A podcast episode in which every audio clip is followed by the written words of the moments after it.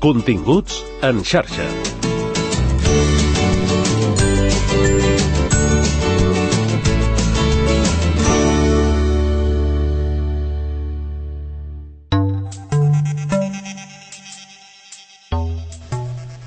La interacció entre el conjunt de microorganismes de l'intestí, conegut com la microbiota, i el sistema immunitari influeix en el desenvolupament de la diabetis tipus 1, una malaltia autoimmunitària que destrueix les cèl·lules del pàncreas encarregades de fabricar insulina i acostuma a desenvolupar-se abans dels 30 anys. La Universitat de Lleida, l'Institut de Recerca Biomèdica de Lleida i el Vall d'Hebron Institut de Recerca han publicat aquesta recerca realitzada amb ratolins a la revista científica Nature Communications. Per parlar-ne tenim Estela Rossell, investigadora de l'Institut de Recerca Biomèdica de Lleida. Benvinguda. Hola, bones, moltes gràcies. Comencem pel principi. En què és exactament el, el descobriment que, que heu fet, aquesta relació? Sí, el que hem observat principalment és eh, la modulació mútua entre la microbiota intestinal i el sistema immunitari en el context de la diabetis tipus 1 en models animals. D'acord? És a dir, hem vist aquesta modulació que es produeix en les dues direccions. Per una banda, hem observat com el sistema immunitari i el context autoimmunitari és capaç de modular la microbiota intestinal. Això ho hem observat a través de dos models, disposem de dos models de ratolins, amb diferent predisposició a desenvolupar diabetis tipus 1. És a dir, tenim un grup de ratolins amb una major incidència de la malaltia i un altre grup de ratolins amb una menor incidència. Doncs bé, hem vist que aquests dos grups de ratolins també tenen, eh, a part d'aquestes diferències en la incidència i d'un mm, diferent perfil immunitari, doncs també disposen d'una mm, diferent composició de bacteris en la seva microbiota intestinal. Per altra banda, el que hem vist també és la modulació en el sentit contrari, és a dir, eh, hem vist com la microbiota és capaç de modular el sistema immunitari, la resposta autoimmunitària i, per tant, la incidència de diabetis tipus 1 en aquests ratolins. Això ho hem pogut comprovar a través d'un eh, un experiment de convivència entre aquests dos eh, grups de ratolins. Hem vist com quan aquests hem vist com eh, quan conviuen aquests dos grups de ratolins i per tant es permet la transferència de microbiota intestinal entre ells, eh, concretament quan es produeix la transferència de microbiota des del grup amb menor incidència de, de, de diabetis tipus 1 cap al grup de ratolins amb major incidència, doncs eh, finalment observem canvis en la microbiota intestinal dels segons, canvis en el seu sistema immunitari i finalment en la incidència de diabetis tipus 1. De forma que en aquest grup de ratolins que inicialment presentaven una incidència elevada, quan conviuen amb aquest altre grup de ratolins, doncs baixa la seva eh, incidència de diabetis tipus 1 gràcies a la transferència de la microbiota. Molt bé. Això, per exemple, voldria dir que creieu que es pot actuar d'alguna manera, és a dir, per poder o prevenir el desenvolupament d'aquesta diabetis tipus 1?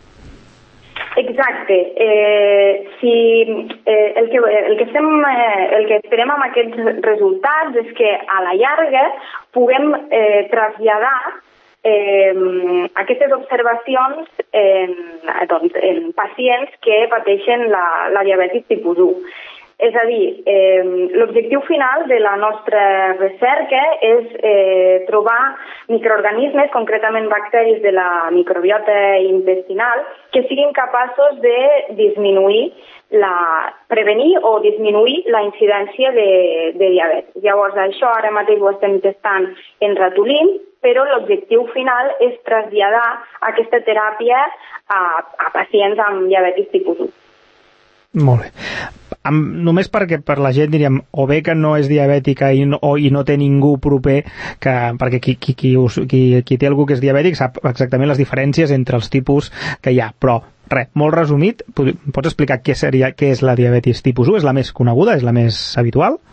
No, no, precisament la més coneguda és la diabetis tipus 2. Quan algú pensa en diabetis, eh, ens, eh, directament pensem en la diabetis tipus 2. La diabetis tipus 2 és la diabetis de l'adult, és una diabetis que és més fàcil de controlar amb, amb uns hàbits de vida saludables, amb una bona alimentació i, i amb exercici. En canvi, la diabetis tipus 1 és molt més minoritària, és molt més desconeguda, és la diabetis que clàssicament s'anomena com a diabetis infantil i és una malaltia d'origen autoimmunitari. Així com la diabetis tipus 2 és una malaltia d'origen metabòlic, la tipus 1 és d'origen autoimmunitari. D'acord? El seu origen no té res a veure amb la tipus 2. En aquest cas, en la tipus 1, el que succeeix és que el nostre propi sistema immunitari eh, ens ataca un teixit del nostre propi organisme. En aquest cas, el que fa és destruir les cèl·lules beta-pancreàtiques, que són les responsables de la, de la producció d'insulina. De forma que el pacient que pateix aquesta malaltia doncs, finalment es queda sense producció d'insulina i eh, l'hem d'administrar exògenament. Per tant, doncs, sempre ha d'acabar punxant-se insulina. Per tant, és una diabetis eh, més greu. Mm -hmm. Molt bé.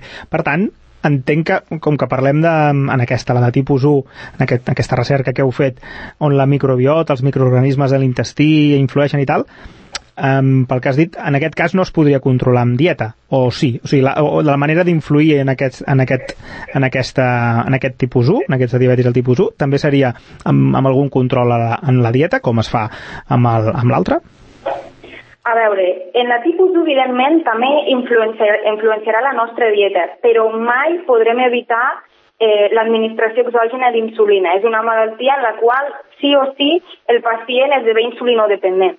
Per això eh, és molt important desenvolupar una teràpia alternativa a, a la insulina, perquè tot i que evidentment doncs, és, eh, és la glòria poder disposar d'insulina, perquè quan doncs fa, fa moltíssims anys, eh, senzillament el que, el que teníem era eh, moltíssims nens, principalment als, als hospitals, que entraven en coma diabètic, no sabien ben bé què, què succeïa i acabaven morint perquè encara no es coneixia la insulina. Evidentment és una teràpia que funciona, però eh, eh, no, és, no és una panacea. Per tant, necessitem un altre tractament, perquè els pacients amb diabetis tipus 1, per molt que controlin la seva dieta, sempre necessiten un tractament amb, amb insulina. En canvi, els diabètics tipus 2, tot i que també hi ha casos en els que sí que ho necessiten, amb una aproximació dietètica sí que es pot arribar a un cert equilibri. En canvi, amb la tipus 1, tot i que evidentment és necessari controlar la dieta i ajustar-la, per a millorar la vida del pacient i evidentment doncs, també realitzar exercici, mm, no arribarem mai a estabilitzar-la sense el tractament amb insulina. Per això és necessari trobar un altre, un altre tractament. Uh mhm. -huh. I llavors, diríem, d'aquesta aquest, recerca diríem, que, que heu fet, um, de quina manera es podria influir i, i, i mirar d'evitar de, o, o prevenir? És a dir, quin seria el, el mecanisme per, per controlar això un cop descobert no, aquesta interacció de la que hem parlat? Exacte. Doncs aquí el, el que acabaríem desenvolupant, si tenim èxit amb la recerca que estem fent en ratolins, el que acabaríem desenvolupant és un probiòtic de nova generació. És a dir, un o un conjunt de bacteris que es troben de forma normal en la, en la microbiota intestinal sana i que doncs, esperaríem que poguessin prevenir l'aparició d'aquest atac del sistema immunitari. Aquest seria l'objectiu final. Llavors, el que es faria és administrar aquests bacteris per via oral. Mm -hmm. Molt bé. I, I la pregunta que fem tots els periodistes quan se'ns presenta diguem, un, una investigació amb ratolins. Quan això es podria traslladar i aplicar en humans? Això teniu algun termini o, o és molt, molt aventurar-se? Clar, aquesta és la pregunta estrella que òbviament és, és obligada i és completament lògic que, que se'ns pregunti i a la vegada, com bé dius, doncs, és molt difícil fer una previsió perquè la recerca precisament és imprevisible. Eh, a veure, ara eh, parlo no només eh, basant-me en la recerca que estem fent al nostre grup, sinó en general. Eh, sabem que actualment s'estan desenvolupant eh, diverses, de fet multitud de, de, de teràpies, d'immunoteràpies, per tal de, de tractar en general eh, l'autoimmunitat, no només la diabetis tipus 1, sinó diverses malalties autoimmunitàries. Alguns, algunes algunes d'aquestes teràpies doncs, estan en fases preclíniques, algunes d'elles possiblement ja es troben en, en fases clíniques. Eh, Partint d'aquesta base, doncs podria ser que d'aquí 10, com a molt 15 anys, ja estem veient alguna cosa eh, més ferma en, en pacients, podria ser. De totes formes, mm, ja et dic, és molt complicat fer una previsió. Mm -hmm. Molt bé, perfecte. Doncs moltíssimes gràcies, Estela Rossell, investigadora de l'Institut de Recerca Biomèdica de Lleida, per explicar-nos aquest, aquest descobriment, aquesta troballa, en aquesta interacció entre la microbiota i el sistema immunitari. Moltíssimes gràcies. Moltes gràcies a vosaltres. Una abraçada.